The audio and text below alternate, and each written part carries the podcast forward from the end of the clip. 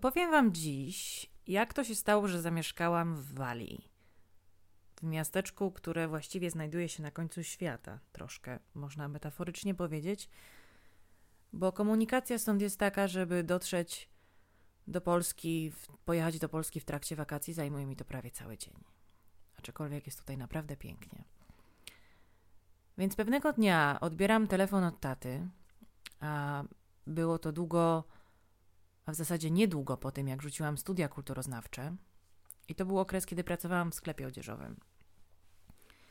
No i jak wiadomo, tata dzwoni i tam pyta, co u ciebie, jak się masz, opowiada. I w pewnym momencie pyta się mnie, czy chciałabym przyjechać do Walii. Zamieszkać w Walii. A ja Zaczęłam to tak, prze, zaczęłam przeanalizować to w głowie i myślę tak, nikogo nie znam. Mój angielski jest na, powiedziałabym, raczej nieprzyzwoitym poziomie. Nie wiem, co bym tu miała robić. W Polsce mam pracę. Przynajmniej. E, I co tacie odpowiedziałam? No jasne.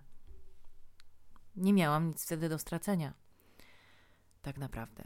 Więc pojechałam, polecieliśmy razem, bo tata kiedyś zwykł tu mieszkać. I stwierdziłam, że będzie to taka moja podróż w poszukiwaniu siebie. Bo z tymi studiami zawsze tak było, że zaczynałam jedne, potem drugie i tak naprawdę nie wiedziałam, co chcę robić. I stwierdziłam, że jak pojadę w miejsce mi nieznane, to prędzej czy później znajdę coś, co będzie dla mnie dobre, jeżeli chodzi o ścieżkę życiową. I pamiętam dokładnie datę, która wtedy była. Pamiętam, że była to środa, 10 maja 2017 roku. Przylecieliśmy do Walii. I minęły trzy dni, a mojego taty już tu nie było. I zostałam sama w pustym mieszkaniu i musiałam sobie znaleźć jakieś zajęcie. Trzeba było znaleźć pracę. Więc wybrałam się na spacer. I na drzwiach jednej restauracji wisiała oferta, mówiąca, że szukają na waitress, czyli kelnerkę, to wiedziałam, i na kitchen porter, co nie do końca wiedziałam wtedy, co znaczy. Ale stwierdziłam, że wejdę do środka i zapytam. No to wchodzę tak się kręcę, kręcę. Stwierdziłam, że podejdę do lady i mówię, że moim łamanym angielskim, że, szuka, że widzę, że na drzwiach, że szukają do pracy i że czy co mam zrobić. To znaczy, nawet chyba nie zdążyłam zapytać, ale zapytano mnie, czy mam ze sobą CV. No to ja go oczywiście nie miałam, bo tyle co przyjechałam. Z moim angielskim tak naprawdę nie wiedziałam, jak mam napisać to CV. No to powiedzieli mi, żebym wróciła z CV. No to odwróciłam się na pięcie i wychodzę. Podziękowałam. W pewnym momencie leci za mną jedna z kelnerek i pyta, mówi, żebym zaczekała, czy mogę im dzisiaj pomóc, że nie mają potłosza, cokolwiek to wtedy znaczyło. A ja myślę sobie, no to nie mam nic do roboty, tyle co jestem, sama tutaj w obcym mieście. Mówię, jasne.